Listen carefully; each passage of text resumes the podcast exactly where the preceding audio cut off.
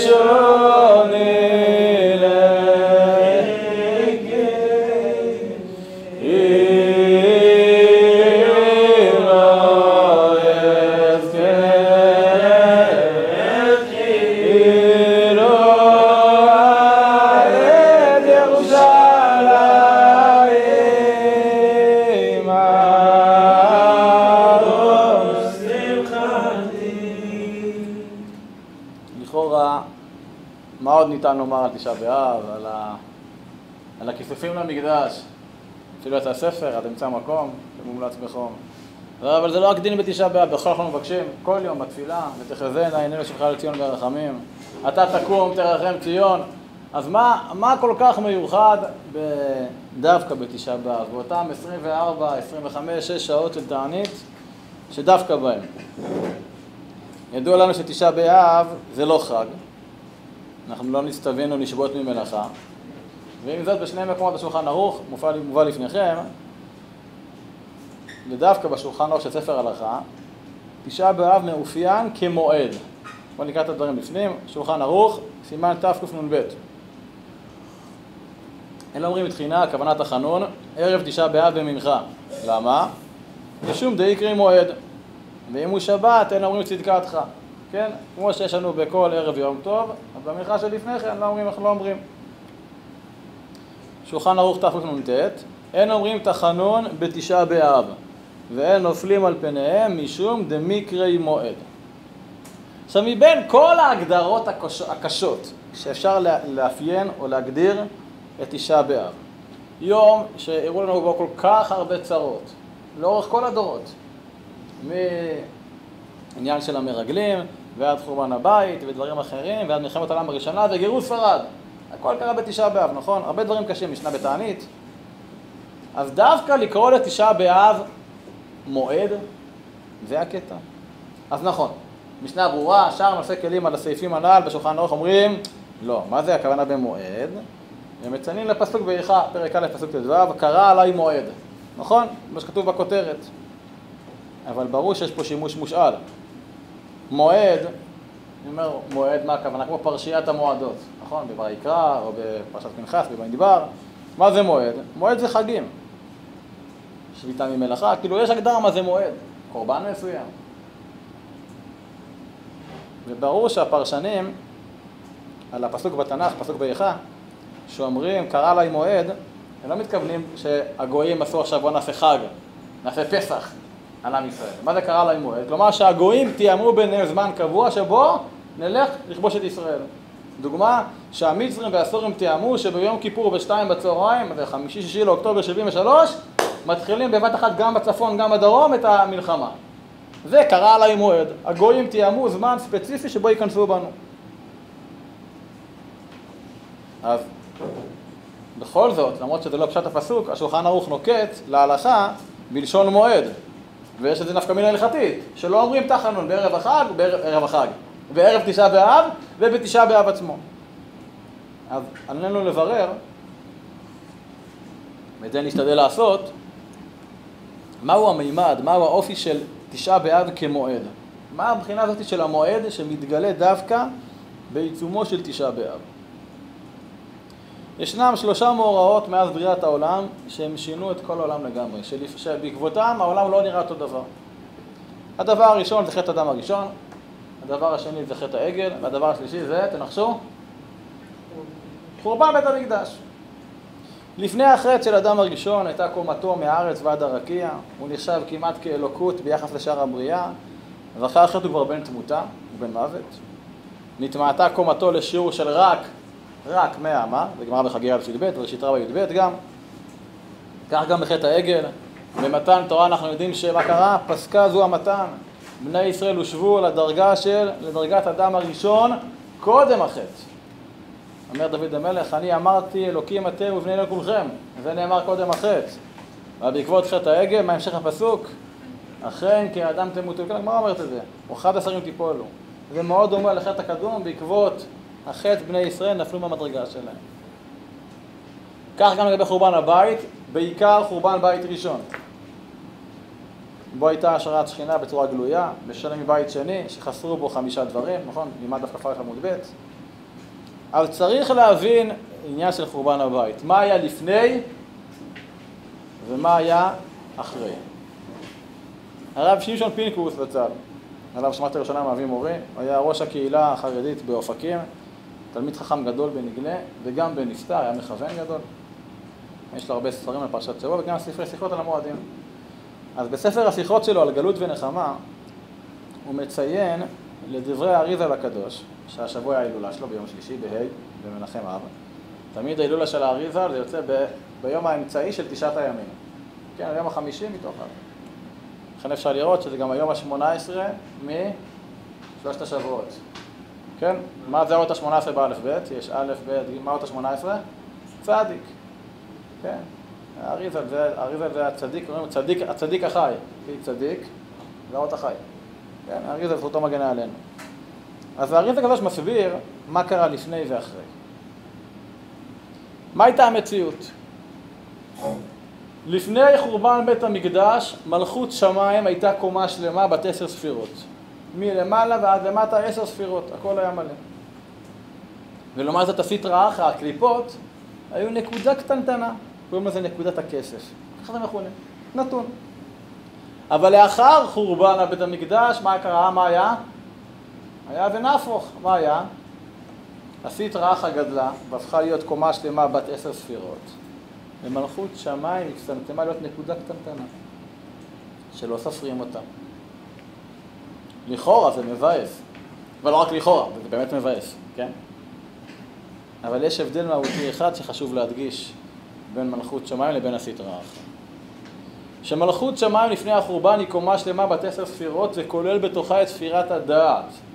ואילו אחרי החורבן, שהסטרא אחרא מרימה ראש לכדי פרצוף שלם של עשר ספירות, זה עשר ספירות אבל לסטרא אחרא אין אף פעם את ספירת הדעת, ותזכרו את זה כי זה חשוב מאוד. נרחיב על זה בהמשך. לפני החטא, לפני החורבן, הכל היה של הקדוש ברוך הוא. גם, ה, גם החסד, גם הגבורה, גם התפארת, הכל היה שלו, היה ברור, זה גם היה מוחשי. הקדוש ברוך הוא היה החתן. אתה מגיע לאירוע, החתן הוא החתן, הכל מסביבו, המלצרים, המוזיקה, הכל מה לכבוד החתן, נכון? הוא המרכז.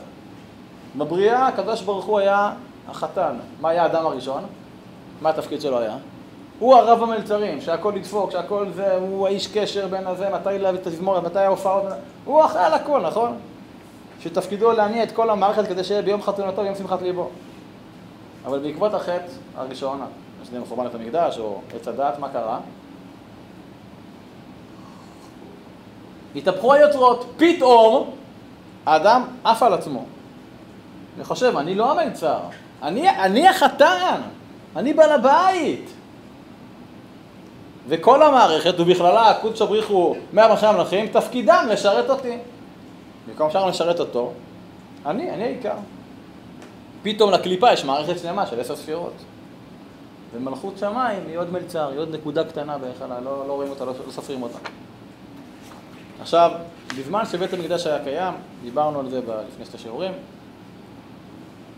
שבת היה קיים על היכלו, במכונו, כל מי שהגיע למקדש לא רק ראה, הוא גם הרגיש אלוקות במוחש, היה עשרה ניסים. מקדש היה השראת שכינה ואלוקות בצורה מוחשית ונוכחת, שכולם, מהילדים ועד הקטנים ועד אומות העולם, זה היה נוכח, כולם ראו והשיגו את זה. אם מישהו היה פוגם בכרת, הוא היה נחרט במקום. אלוקות הייתה מוחשית, הייתה נוכחת בחיים, לא רק במקדש, בכל המציאות בכלל.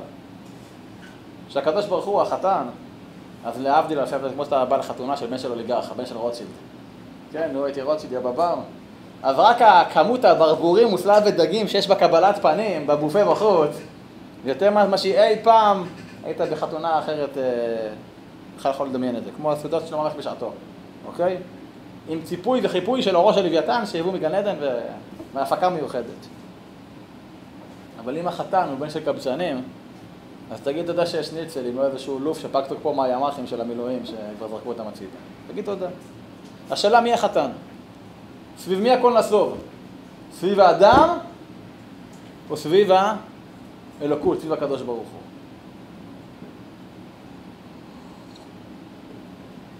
ונקודת הכסף הזאת, הנקודה הקטנה של הקליפה, היא נקודה מאוד מאוד קטנה ומאוד עדינה. גם כשיש לאדם את הכל, אבל שאומר הכל כוון הכל, בכל כל מכל כל, יש לו הכל. בגלל איזשהו פרט קטן שהוא לא שבע, זה מפריע לו. תנו לי דוגמה במציאות כזאת בקליפה, שיש לאדם הכל, אבל דבר אחד מפריע לו.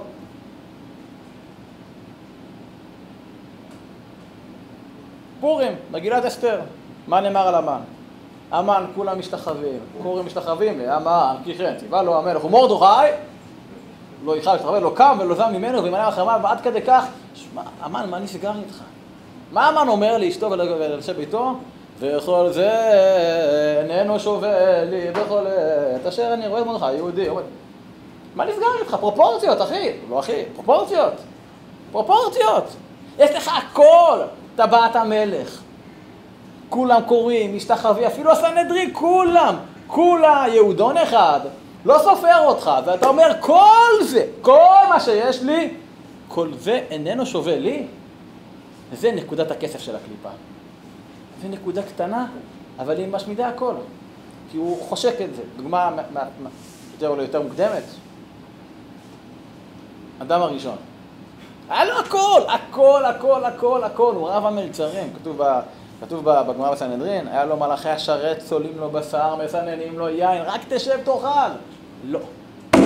לא! יש את עץ הדעת.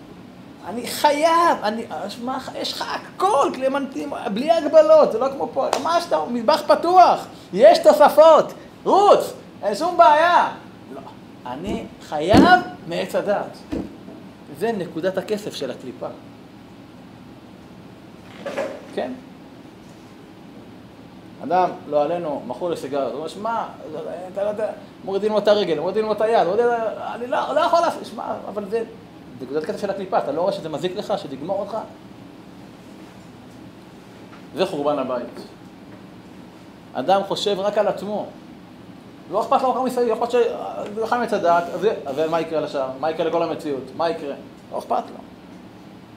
זה חורבן הבית. עכשיו, יכול להיות שאדם נמצא במציאות שבה הוא, נגיד את זה ככה, הוא מתפלל והוא לומד הרבה, אבל זה רק כדי שיהיה לו עולם הבא.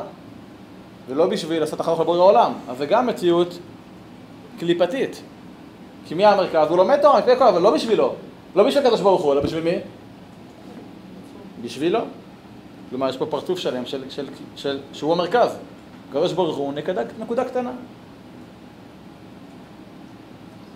אבל עכשיו, בשונה ממקודם, אחרי החורבן, הנקודה הקטנה, נקודת הכסף הזאת, היא נקודה של קדושה. וזה הבדל מהותי. כלומר, גם שעשית רחה על כל המסך, כל הפריים שלה, ניתן להתגבר עליה. למה? כי נקודת הכסף, אבל זה קדושה. כי יש פה רצון של קדושה. אז איך עושים את זה? מה הסיכוי? יש פה פרצוף שלם, עשר קליפות, מכתר ועד מלכות, של טומאה, של סטרא של אגו, של אני, אני, אני, אין קדוש ברוך הוא, אז איך נקודת הכסף הקטנטנה, אתה יכול לא סופר אותה, כולה שקד מרק מיניאטורי, איך היא תוכל להכריע את כל הפרצוף של הקליפה? והתשובה היא מאוד ברורה. התשובה היא מילה אחת. מה התשובה? דעת.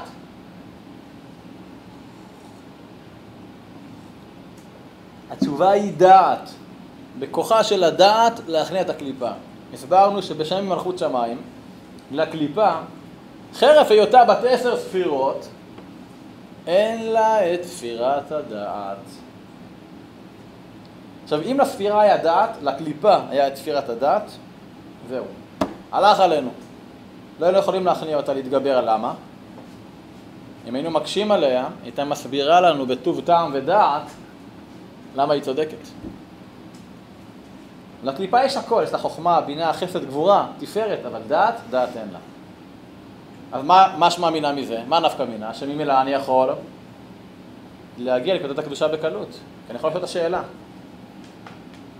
שאלה פשוטה. תגידי, מי מלך העולם? של מי העולם? עכשיו הקליפה יודעת את בורה. היא היא יודעת את בורה, נכון? מה, באמת הקדוש ברוך הוא המשרת ואנחנו, ואני החתן, או שמא אני המשרת והוא החתן? ורק אדם שהוא חסר דעת יכול לחשוב ש... שהוא המרכז ולא אחר. דוגמה לאדם חסר דעת, פרעה! פרעה להיות באריזל שהוא הדעת דקליפה, הוא פרעה זה אותיות העורף, הוא בעורף, הוא לא בפנים של הדעת, הוא בעורף. לכן מה פרעה אומר? לי יאורי ואני עשיתיני. ישמעו אוזניך מה שפיך מדבר. לי יאורי נזרום, נניח. ואני עשיתי את עצמי? רגע, אז לפני שעשית את עצמך, מה היה? היית אתה או לא היית אתה? ורק אדם שהוא חסר דעת יכול להגיד, לי יאורי ואני עשיתי את עצמי. לכן לקליפה אין דעת. ובכוח הדעת זה קדושה, אותה נקודת כסף מיניאטורית ברמת הפיקסל, אבל זה דעת. אז אפשר להפיל את כל הבניין. ואם האדם לא יודע ולא זוכר שהקדוש ברוך הוא החתן, הוא מהמרכז ואנחנו המשרתים, אנחנו המלצרים, אז יש לנו יום אחד בשנה שבא להזכיר לנו. וזה בדיוק העניין של תשעה באב. תשעה באב זה יום שבו אנחנו מעבירים לנגד עינינו בדיוק וחושבים איך היה נראה העולם שהקדוש ברוך הוא היה מרכז העולם. וממילא, איך העולם נראה מאז שהוחלט שהאדם הוא מרכז העולם. בשפה הלועזית המתקדמת, אם זה אגוצנטריות או תיאוצנטריות. אדם והאגו שלו, או הסופר אגו, או הסופר ייד, שאתם בפסיכולוגיה, או האלוקות. וכשאנחנו עושים את הסקירה הזאת, ואנחנו רואים את כל ההבדל התהומי בין העולם שבו הקדוש ברוך הוא המרכז ויש בית המקדש וכולי, או בין העולם שהאדם הוא המרכז, אז נדרש מאיתנו רק דבר אחד. מה נדרש מאיתנו? לבכות ולצעוק, ריבונו של עולם, עד מתי? מתי תחזור לעולם שלך? מתי כבר אתה תהיה החתן? מתי יסתיימו כל הצרות, כל הבלאגנים, כל הבעיות, כל הכאב, כל הצרות? וזה העבודה של תשעה באב. לתפוס את הנקודה הקטנה, את נקודת הכסף הזאתי, ומתוך הכאב לעשות את המהפכה. למה? כי בתשעה באב אפשר להגיע לדרגות הכי הכי גבוהות. צריך להוכיח את זה. בואו נדבר דוגרי. כולנו היינו רוצים לשבת על הרצפה כל תשעה באב, ומשמונה בבוקר, פה אני מפרגן לכם, שמונה בבוקר, ועד שבע בערב, לשחות בארבעים שאה של דמעות, לקרוא את כל הקינות בדבקות, ולהבין כל מה שכתוב שם על פרעות תח ותת ותתנו ומסעות תתלה ותתתתתתתה, נכון? לא?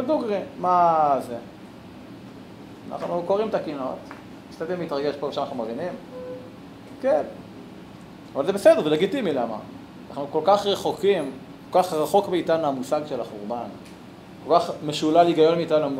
של של.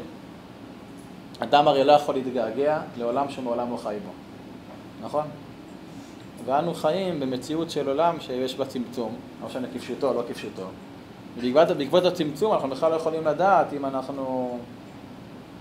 מי זה הקדוש ברוך הוא? כי אנחנו, אין לנו ציור, איך הוא נראה, מה זה לחוות. היית בא למקדש, היית רואה מה זה הקדוש ברוך הוא, עשרה יפים, היית מה זה גילוי שכינה, קורא, עומדים צפופים, משתחווים רווחים, היית רואה, היית חש, מרגיש בצורה צמיגית מוחשית. אבל דווקא תשעה באב זה יום בו, אולי היום היחיד, שבו אפשר לראות את האמת באמת, ולהגדיל אותה כמו שצריך. וזה הדרך השלילה, נכון. אז אולי כמה עולמו של הקדוש ברוך הוא שהוא במרכז הוא יפה, אנחנו לא יכולים לראות, אבל את הקלקול אנחנו יכולים לראות, אנחנו מרגישים, כולנו מרגישים את זה. המטרה העיקרית של תשעה באב זה נקודת הגעגוע, איך אני מתגעגע להגדיל את הנקודה הזאת. כלומר, נקודת האמת. מי ברא כל אלה? של מי הכל? יש מנהיג לבירה? מי? הקדוש ברוך הוא, ולהפנים את זה, זה כוח הדעת. ודווקא מתוך אותם געגועים שבתשעה באב, אז מה אפשר לעשות? אפשר להגיע לנקודת הקדושה, להגדיל אותה, ולעשות מהפכה. בין מהפכה של כל העולם, בין מהפכה, גם ברמתנו, ברמה אישית זה גם טוב.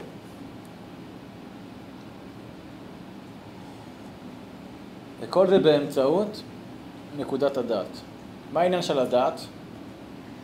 נכון, והאדם ידע את חווה אשתו. דעת בתרגום לעבודת הנפש, לעבודת המידות, דעת זה כוח ההתקשרות. ההתקשרות, לדעת את הקדוש ברוך הוא, זה אומר, כן, נפשי חמדה בצל ידיך, מה אומר המשך הפיוט? לדעת כל רע שדיך. לא שאני אהיה בקיא בוויקיפדיה, להגיד הזוהר אומר ככה, הרי ככה, רשש ככה, לא, אלא לדעת, לדעת כל רע שדיך, נפשי חמדה, לדעת כל רע שדיך, להיות קשור בסודות שלך, בפנימיות שלך. כי לקליפה יש הכל. הקליפה יודעת אריזל ורשש ובעל שם טוב יותר, יותר ממני, יותר מכולם. אבל מה? זה ברמה אקדמאית, הוא מדבר, הוא מדבר על. הוא לא חי עת. כלומר, אין לנקודת הדעת. לקליפה אין יכולת להתקשר. אדם עושה עבירה שהוא מאוד רוצה איזושהי תאווה, כשהוא מסיים אותה, הוא לא מרגיש קשור אליה. אה, בסדר, נו שוי. זה לא משהו כל כך פינטז ודמיין לדברים כאלה. חבל מלמדים אותנו שמה קרה בתשעה באב? לא רק חורבן. בתשעה באב, ממש ברגע החורבן, מה קרה? נולד מלך המשיח. כן, המדרש מביא פתיחה להיכה רבה, שאחד היהודים חרש עם פרתו, אם זה היה בבבל או משהו כזה, ופתאום הפרה שלו עשתה מו, געתה, אומר לו שם הערבי ליד, מה אתה עושה? איך אתה יכול לחרוש? הרגע הפרה שלך גילתה לנו שנחרב הבית, כן, קרע בגד ותשב ותתפלש באפר, והפרה עושה מו, שמה, נו, כן? אבל מה אתה עושה? לא שמעת את הפרה? מה הפרה אומרת? שהרגע נולד המשיח, תקום, תשמח. יש הרבה מה להעריך שם על המדרש ועל ההמשך שלו, של בית לחם, לא משנה כרגע. אבל כשחז"ל אומרים בתשעה באב נולד המשיח, כי חז"ל יודעים שתולדה הוא כוח של, פועל יוצא של, והאדם ידע את חווה אשתו. הולדה, לידה ופועל יוצא של דעת. לכן המשיח נולד בתשעה באב, כי זה יום שמסוגל לדעת. וזה ההבדל העמוק בין קדושה לקדשה, לזונה, דיברנו על זה. כביכול קדושה, איש ואישה שמתחתנים וחיים בקדושה, בקידושין, לבין קדשה, מעשה אותו מעשה בימין, נכון? יש הבדל, שזה קדושה, זה אימוכין. יש חוכמה בין המדת, יש התקשרות. קדשה, אחרי דקה שהוא הולך ממנו, בכלל לא יודע מי, מה, היא לא אכפת לו, שילם מה והלך. כן, נתנה מחיר כלב, שלא נדע. לכן ההבדל פה זה איפה נמצא המוחין. אם יש דת, יש התקשרות או לא. תשעה באב זה הזמן שמסוגל לראות את המשיח, כי תשעה באב זה זמן שהוא מסוגל לבחינת הדעת. זה הזמן שבו מסוגל לראות את נקודת הכסף הקטנה של הקדושה, ולהגדיל לך פרצוף שלם שהיא תהיה עשר ספירות.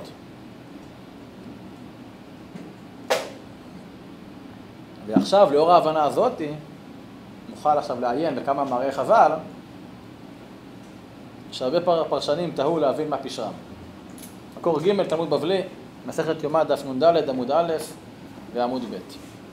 אמר רב קטינה בשעה שהיו ישראל עולים לרגל, מגללין להם את הפרוכת, כן, חושפים את הפרוכת, פותחים אותה, והם שבעזרה היו, ומראים להם את הכרובים שהיו מעורים זה בזה, ואומרים להם, ראו חיבתכם לפני המקום כחיבת זכר ונקבה. אמר יש לקיש, בשעה שנכנסו נוכחים להיכל, ראו כרובים המעורים זה בזה, הוציאו נשוק ואמרו ישראל, ואמרו ישראל הללו שברכתן ברכה וקללתן קללה, יעסקו בדברים הללו, מיד יזילום, איפה שחשבו שזה זול, שנאמר כל מכבדיה יזילוה כי ראו ערוותה. אז תחילת הגמרא שציטטנו עכשיו מראה לנו את הידוע שישראל והקדוש ברוך הוא בבחינת איש ואישה, מה שכתוב במדרש בדברים רבה, על הפסוק במתן תורה וקידשתם היום ומחר, שהקדוש ברוך הוא קידש אותנו בקידושי שטר, כן, זה התורה. אפשר לראות שהביטוי העילאי ביותר אצל זוג שהוא נשוי, זוג שהוא מקודש, פעולת הקידושין, זה ביה, קידושי ביה, נכון? הדבקות של האיש ואישה שלפני החתונה זה לא היה, ועכשיו יש איש ואישה ביחד, דבקות, כן, ודבק באשתו. והיו לבשר אחד. לכן בבית המקדש, מה השיא של הביטוי של הדבקות בין הקדוש ברוך הוא לישראל, שזה קידושין, היה שהקרובים היו דבוקים, כמו הורים, כמו איש ואישה. בוא נראה, רבנו חיים אומר את זה בפרשת תרומה, בציווי על המשכן, ציווי על הקרובים. ועל דרך הפשט, שניים קרובים, זכר ונקבה היו, להודיע כמה ישראל חביבים לפני הקדוש ברוך הוא כחיבת זכר ונקבה. וצריך שתתבונן במאמרם זה כי היו הקרובים כצורה זו למשל נמרץ להעיד על הפלגת הדבקות שבין הקדוש ברוך הוא לישראל בלא שום אמצעי. שהוא התעלה בדד ינחנו לישראל ואין עמו נכר כשאר עובדי גילולים אשר חלק להם שרים של מנה.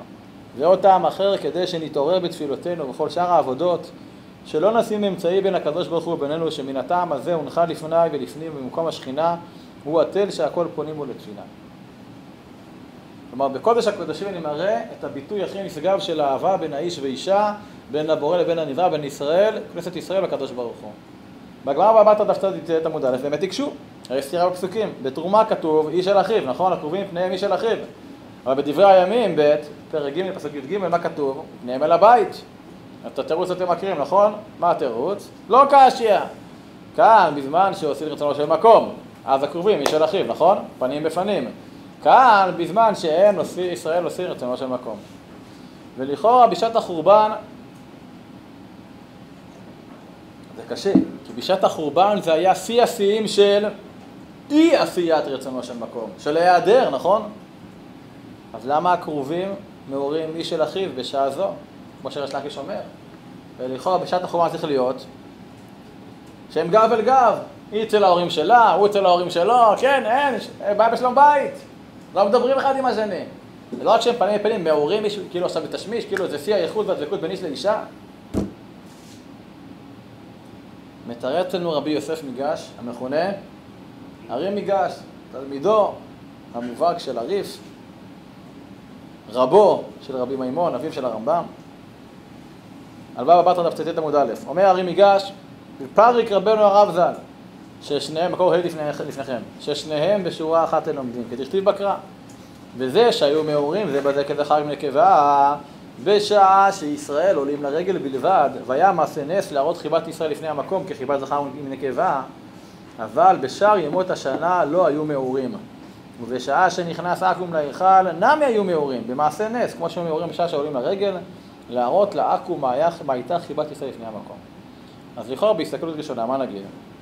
משהו מדבריו של, של, הרים, של הרים ייגש, שהקדוש ברוך הוא עשה נס, כדי שהגויים יראו כמה הקדוש ברוך הוא מחבב את ישראל בזמן שהם עולים לרגל, שהם הבינו מה היה פעם. אבל באמת, למה עשית נס כזה? מה, מה התועלת שהגויים יבינו כמה הקדוש ברוך הוא אוהב את ישראל כשהם עשו רצונו של מקום בזמן הרגל? מה, מה, מה הרבותא, מה החידוש? אלא, אפשר להבין אחרת, אפשר להבין שמה אמר לנו הרי ניגש, מה פתאום? שהקדוש ברוך הוא רצה להראות לגויים כמה הוא מחבב את ישראל, מתי? אפילו בעת החורבן. למרות שאת כן, כולה חסר ראייתי. למרות שיש בחמום. עדיין כולה חסר ראייתי. כדי להבין, לעמוד על העומק העניין הזה, מה זה הייחוד, מה זה ייחוד הקרובים דווקא זכר ונקבה, דווקא בעת החורבן, אז נעיין בדבריו המופלאים של אהוב ליבנו, הבני יששכר. אבל לפני כן, איזשהו ניגון. יבנה המקדש, יבנה המקדש, שיר ציון תמלא ייבנה המקדש, ייבנה המקדש, ציון תמלא, ושם נשיר, ושם נשיר שיר חדש ונענה,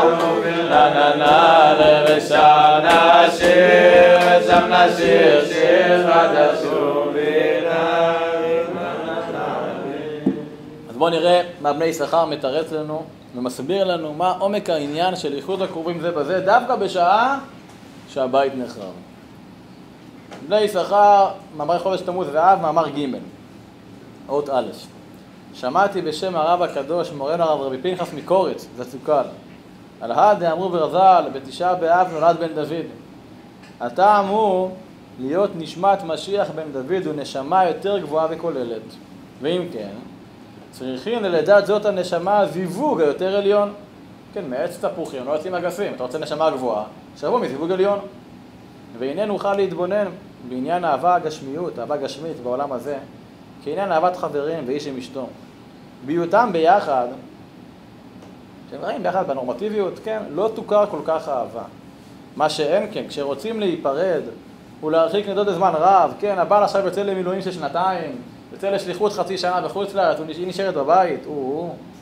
אז לפני הפרידה שלו, אז התפעלו הנפשות באהבה יתרה, אהבה עזה, מגודל הגעגועים. ועל כן, זו הלכה הפסוקה בשולחן ערוך, חייב אדם לפקוד את אשתו בשעה שיוצא לדרך, נכון? ואם כן, תתבונן לפי זה, את לבישת הפירוד, כן, בלילה האחרון, לפני שהוא יוצא לשליחות, אז הוא הזיווג באהבה יתרה ביותר, ומקרי זיווג היותר עליון. זיווג עם יותר אהבה, יותר חשק, נכון? יותר, יותר, נקרא לזה, יותר הת, הת, התקללות והתקשרות, דווקא בגלל הפירוד הצפוי.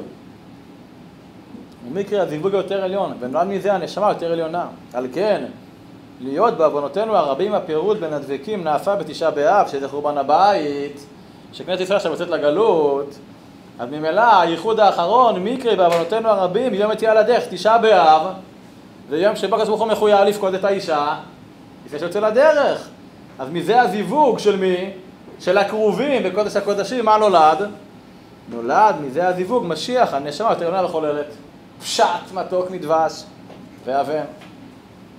ועל פי זה תתבונן, מה ששמעתי שהקשו, תלמידי הרב הקדוש המגיד, כן, מורה הרב דובר, זה תוקל, כן, ממזריץ', לרבם.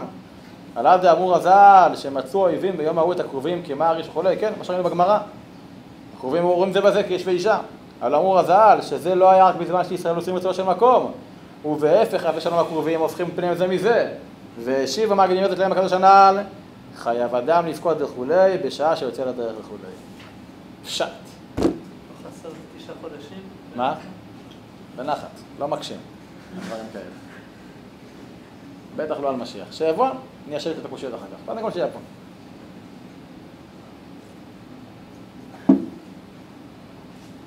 התירוץ של הרב סיפוריץ, קוריץ, המגיד נימד שהוא פירוש שהוא מדהים, פירוש מתוק. מה היה העניין של ייחוד הקרובים דווקא בתשעה באב? הוא אומר, נכון, זה היה ייחוד שממנו נולד משיח בן דוד, שזה הנשמה יותר עליונה, שלכן צריכה דווקא לבוא מייחוד שהוא גבוה, שיותר חשק, יותר אהבה, בו אדם מחויב לפקוד את אשתו יותר מצל הדרך. ויש בזה המתקה גדולה. כי דווקא בגלל שהגויים הוציאו עכשיו את הקרובים חוץ לבית המקדש, תארו נגיד ככה, תארו לעצמכם, מה היה קורה אם הגויים לא היו מוציאים את הקרובים מבית המקדש, אלא שורפים את המקדש עם הקרובים. האם הקרובים מעורים זה בזה עדיין? כן, אבל מה? לא היינו יודעים על זה. לא היינו יודעים שנולד המשיח. תראו מה ההמצקה שיש פה. דווקא בגלל שהגויים פרצו פנימה, כן, שועלים מהנחים פה, הוציאו את הכרובים, יש פה נחמה גדולה לעם ישראל, לפחות תראו שעכשיו מה? יש חשק ואהבה בין הבורא לנברא. בכנסת ישראל לקודש בריך ובשכינתאי. עד כדי כך, זה לא סתם חשק, זה יותר מהרגיל. ברמה של חייב לדעת קודם לשתול לפני שהוא יוצא לדרך. עד כדי כך. ודווקא זה נותן לנו תקווה שדווקא מהייחוד הזה, מהמקום הכי כאב, תצמח הגאולה הכי גדולה של לידת המשיח. עד כאן, הקדמה. אל תבהלו, אני יודע מתי נסיים, כי אני יודע מה יש אחר כך. אבל עכשיו נוכל לתרץ את מה שהקשינו. מה הקשינו? למה השולחן ערוך, מרן המחבר זצוקה, רבי יוסף ורבי אפרים קרו, למה הוא מכנה את תשעה באב מועד, אף על פי שזה לא פשוט הפסוק, קרא עליי מועד. בואו נראה. בספר שבילי פנחס, של רבי פנחס פרידמן פרידמן מחשובי רבני בלז, שנהנה מאוד מספריו כל שבוע, מביא ציטוט בשם רבי אברהם יצחק בלוח השם ייקום דמו, היה ראש ישיבת תלז בליטא, שנרצח על קידוש השם, הוא נרצח בכ' בתמוז, תש"א, 1941, עם כל התלמידי ישיבה, חפרו בור והרגו אותם, השם ייקום דמם. והוא אומר שהמילה מועד בעברית זה מלשון המילה התוועדות. והוא לומד את זה, כמו שאומרים שם, מה זה ימי המועדים? זה ימים שבהם הקדוש ברוך הוא מתוועד איתנו. כמו שנאמר לקרובים, מה נאמר לקרובים? זה נועדתי לך שמה מבין הקרובים. אני אחזור על זה. מועד מלשון התוועדות, לכן ימי המועדים זה ימים שבהם אנחנו לא עובדים, אלא מה אנחנו עושים? מתוועדים, מתוועדים עם הקדוש ברוך הוא.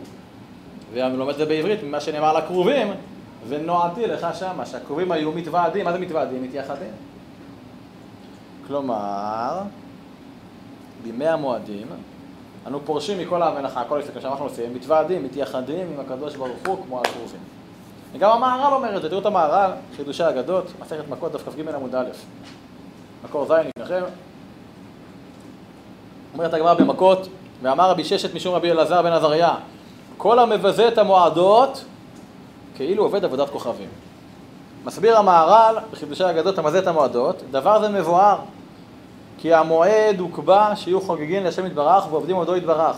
והוא נקרא מועד מלשון, שימו לב, ונועדתי לך, כמו שאמר לקרובים. כי השניים שהם מתחברים ומתוועדים יחד, נקרא מועד. לכן הרגל הוא שיהיה השם יתברך מתוועד עם עמו, מתחבר להם. ומי שמבזה את המועדות, כאילו אינו רוצה בחיבור זה, הוא מתדבק באחר. ולכן המסכת יומא, כשהיו ישראל עולים לרגל, היו מגביהים להם את הפרוכת, והיו מראים להם כשעלו לרגל, כי עליותם לרגל הוא עצם החיבור שנקרא מועד. ולפיכך אז היו מראים להם זה, מה מראים להם?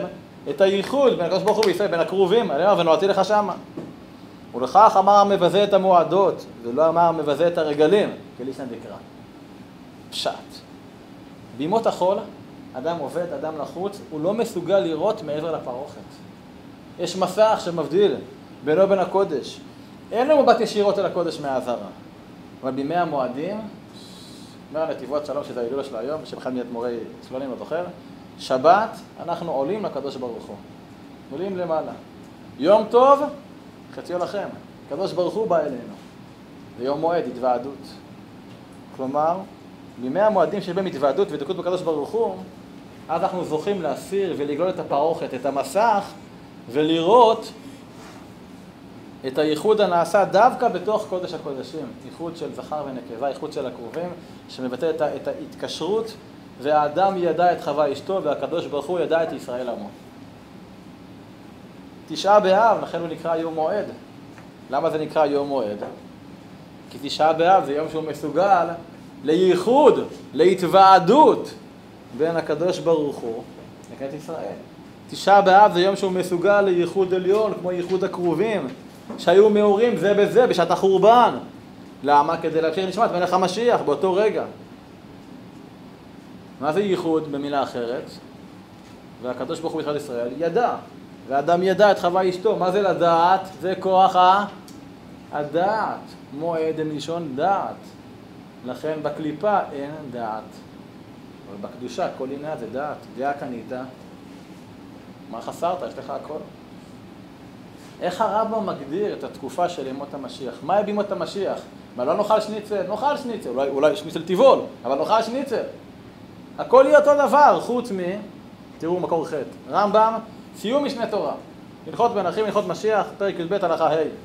ובאותו הזמן, כן, שיהיה מלך המשיח, לא יהיה שם לא רעב, ולא מלחמה, ולא קנאה ותחרות, שהטובה תהיה מושפעת הרבה. וכל המעדנים מצויים כעפר, ולא יעשה כל העולם אלא לדעת את השם בלבד. ולפיכך ישראל חכמים גדולים ויודעים דברים הסתומים וישיגו דעת בואם, כפי כוח אדם שנאמר כי מלא הארץ דעה את אדוני כמים לים מכסים.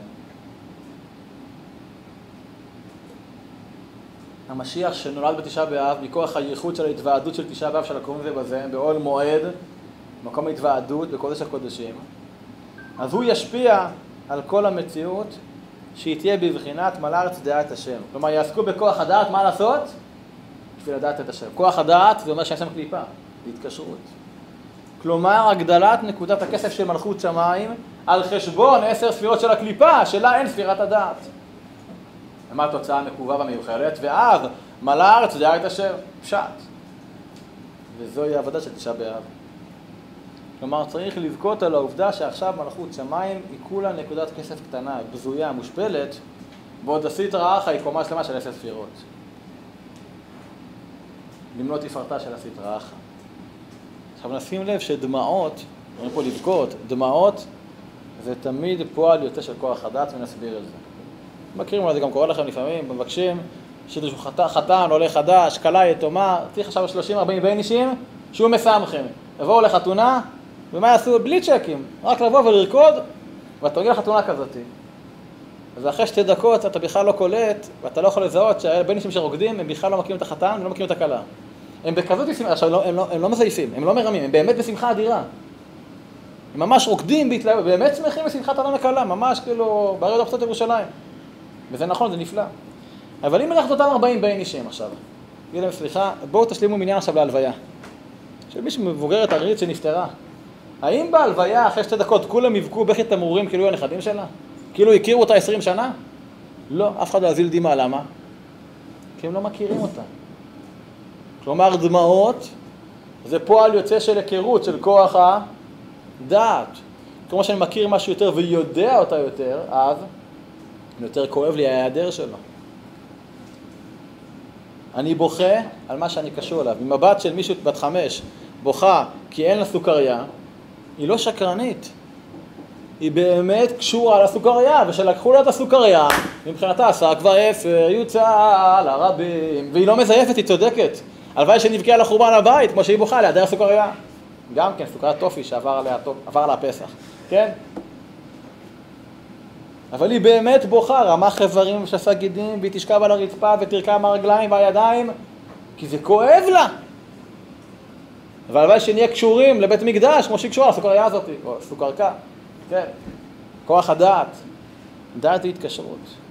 אם אני קשור ודבוק ואוהב מישהו, אז שתזרוק אותי, זה יכאב לי. יהיה קשה. בנתיבות שלום, בעל ההילולה של היום, והוא מביא בשם, במאמרים בספר במדבר, על בין המצרים, בשם רבי משה מקובריון, הוא אומר ככה, שהגרוע ביותר הוא כאשר יהודי משלים עם מצבו. כבר לא בוכה. הוא היה רוצה שיהיה אחרת, אבל לא אכפת לו. אין לו כוח לבכות. מספרים, הרב לאו מספר, הרב לאו שליטה, הרב של תל אביב, הרב ראשי לשעבר, שחררו היה בן שבע, ששחררו אותו ממחנה הריכוז. הגיע אליו אה, קצין שהיה רב צבאי אמריקאי שם של הגדוד ששחרר את המחנה, הוא אומר לו, ילד, אומר לו ביידיש, בן כמה אתה? אז הוא אומר לו, אני יותר זקן ממך. הוא אומר לו, מה? כן. אני כבר לא צוחק, אני כבר לא בוכה. אני יותר זקן ממך, מה שאני ראיתי, אתה בחיים לא תראה. זו נקודה, זו נקודה כאילו מאוד מאוד עמוקה. כאילו, הדבר שהוא כבר משלים עם עצמו, אני כבר לא יכול לבכות, לא יכול לצחוק, לא יכול להתעודד, זהו, זה מה יש. אם אדם כבר לא בוכה יותר, סימן ש... זהו, אין מה לעשות, מה שהיה היה. לא... אם אדם לא מתייש מלבכות כמו שעדיין, הוא עדיין אכפת לו. הוא לא מתייש, עדיין כואב לו. אם אני לא בוכה באמת, אם לא כואב לי, שמאמינה שאני בסדר עם המצב, כבר התייאשתי, זה, לא נוח לי, אבל זה מה יש, אין לי כבר מה לעשות עם זה. אבל צריך לדעת מתי לבכות.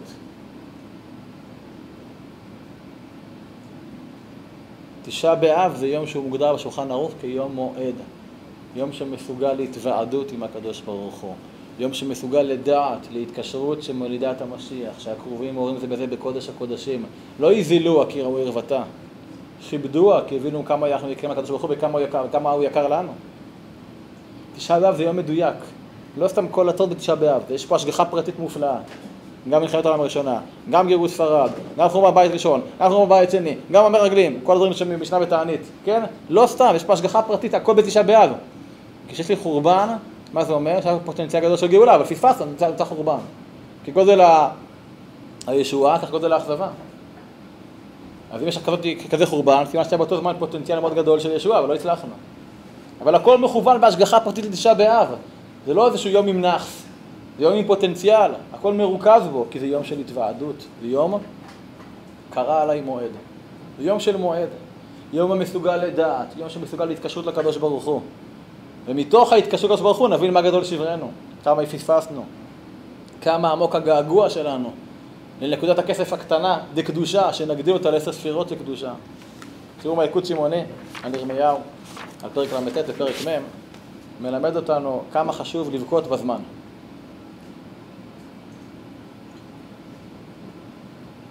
אומר המדרש, נטלו הגלות את עיניהם שבבבל, וראו את ירמיה שפירש מהם, הוא חוזר לארץ ישראל. גאו כולם בבכייה, כן, הנערות באמת שם ישנו גם בכינו וזכרנו לציון. וצווחו רבנו ירמיה, רבנו ירמיה. הרי אתה מניחנו. שם בכו שנאמר, נערות בבל שם ישבנו גם בכינו.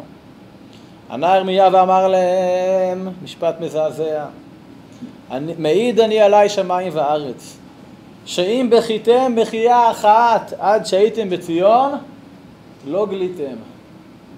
אם רק הייתם בוכים בזמן שצעקתי עליכם ברחובות העיר, בערי יהודה וקבוצות ירושלים, בכייה אחת, דמעה אחת, לא היה חורבן. אספר סיפור להמחיש את זה. היה פעם עיירה, גויים והרבה יהודים, היה שם בגבול פולניה ורוסיה וכולי, בעקבות המלחמות, שכל פעם היה כל פעם מלחמות, בהסכם השלום בין המדינות התברר שעשו עכשיו גבול חדש, ועכשיו הגדר של העיר, החומה של העיר זה הגבול. אבל מה לעשות שהבית קברות איפה הוא נמצא? מעבר לגבול. אמרו, מה נעשה? יש שם מחלקות קבר, אבותינו, אמותינו, מה נעשה? עשו פשרה, שרק ללוויות יהיה היתר להוציא את האנשים ככה מניין עם הארון, לצאת לבית, לגנוב, לעבור את הגבול דרך השער, מעבר, לקבור ולחזור חזרה, בלי, בלי דרכונים, בלי מסמכים, בלי לשלם, אה, קיצר, מכס בקטנה. אחרי חודש נפטרה מישהי. כמובן, ארון ושחורים, וקרעו את הבגד, ומשפחה בוכה, והרב, מספידים, טה-טה-טה-טה, ובוכים, וקברו אותה. אחרי חודשיים, נפטר עוד אדון, גם כמובן, לבשו שחורים, והתעטפו, וקראו, ובכו, ואז ראו כי טוב את הפטנט, כל מיני ככה יהודים חכמים. אמרו, יאללה, בקטנה, נעשה הלוויה, ובתוך הארון מה שמו? פקטים של סיגריות, שתייה חריפה, כל מה שפטרו ממכס, מה שנקרא, לגנוב את המכס, והופ, העבירו, ובלילה לקחו את הדברים האלה, ולמחרת, וואי, אבל טוב, אז עוד שבוע, עוד לוויה, ופתאום שמים בגבול שכל יומיים לוויה, מה קורה פה? כן? ואז שם לב השומר שאחרי בלוויה הם לבושים שחורים, אבל אף אחד לא קרוע, ו... ואם זה לוויה, למה כולם צחוקים ומבסוטים, צריכים בדיחות? התור, הוריד את השער, בוא בוא נפתח את הארון. השתגעת, בישהו ירד, בוא בוא נפתח את הארון, בוא נפתח את הארון. אמר להם, אם הייתם בוכים מקודם, לא הייתם בוכים עכשיו. פתח את הארון והתחילו לבכות. בגלל שמקודם צחקתם, עכשיו אתם בוכים. ותשעה באב זה הזמן לבחון על מה אנחנו בוכים. כלומר, למה אני קשור? על מה אני בוכה אם זה חסר לי? איפה מושקע כוח הדעת שלנו? למה אני מתחבר ודבק ומתוועד איתו? ניקוטי מוהר"ן תורה כ"א. אומר רבנו נחמו נחמו עמי כל הצרות והייסורים והגלות אינו אלא לפי ערך חסרון הדעת. וכשנשלם הדעת, אזי נשלם כל החסרון. הגמרא אומרת שעל מי אסור לרחם? על מי שאין בו דעת. אסור לרחם עליו. אומר רבנו, כשנשלם הדעת, אז נשלם כל החסרונות. בבחינת גמרא בנדרים, אם דעת קנית, מי חסרת. וכתיב בישעיהו, לכן גלה עמי מבלי דעת. למה הוא גלה? מבלי דעת. כי לא דעת. ועיקר החיים הנצחיים יהיה לעתיד מחמת הדעת, כמו שכתוב הרמב"ם, שירבה הדעת, שידעו הכל את השם. וכן מוסיף רבנו שנית בתורה פ"ב בליקוטי מוהר"ן, דהית בגמרא, אין הר בית המקדש, או אין לבנון בין בית המקדש, שנאמר, הר טוב הזה והלבנון. ובית המקדש, שימו לב מה אומר רבנו, ובית המקדש הוא בחינת דעת, דהית בגמרא, כל מי שיש בו דעת, כאילו נבנה בית המקדש בימיו. רבנו תולה את סיבת הגלות בהיעדר הדעת. מועד זה זמן שמסוגל לדעת. תשעה באב מוגדר בשולחן ערוך כיום מועד, קרא עליי מועד. כל שנה בתשעה באב מתחדש מחדש הייחוד הקדוש והמקודש של הקרובים שיודעים אחד את השני, המאורים זה בזה, הקדוש ברוך הוא בכנסת ישראל, והייחוד הזה מוליד את נשמת המשיח, שעניינו למלא את כל הארץ דעת השם. ולכן בתשעה באב, יום מועד, צריכים לרומם את המבט שלנו, את ההסתכלות שלנו. כלומר, תשעה באב.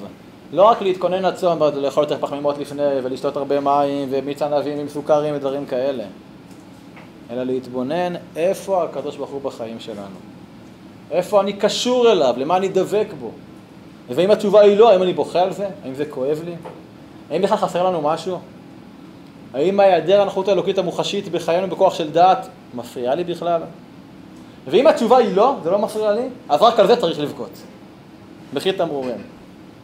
ולכן אסור לנו להשלים חס ושלום עם העובדה שנקודת הקדושה היא נקודה קטנה, נקודת הכסף, ועוד הסטרא אחא היא פרצוף שלם של עשר ספירות. אנחנו צריכים להגדיל את השאיפה שלנו להתקשרות, להתוועד עם הקדוש ברוך הוא. כמו שאומר רבנו, כל הצרות והייסורים והגלות אינו אלא לפי ערך חסרון הדעת. וכשנשלם הדעת, אזי נשלם כל החסרונות. צריכים לדעת את השם. וזה לא בושה לבקש עזרה. מאוד קל אה, לדרוש, להכין שיעור לדבר על זה, ומה המטרה?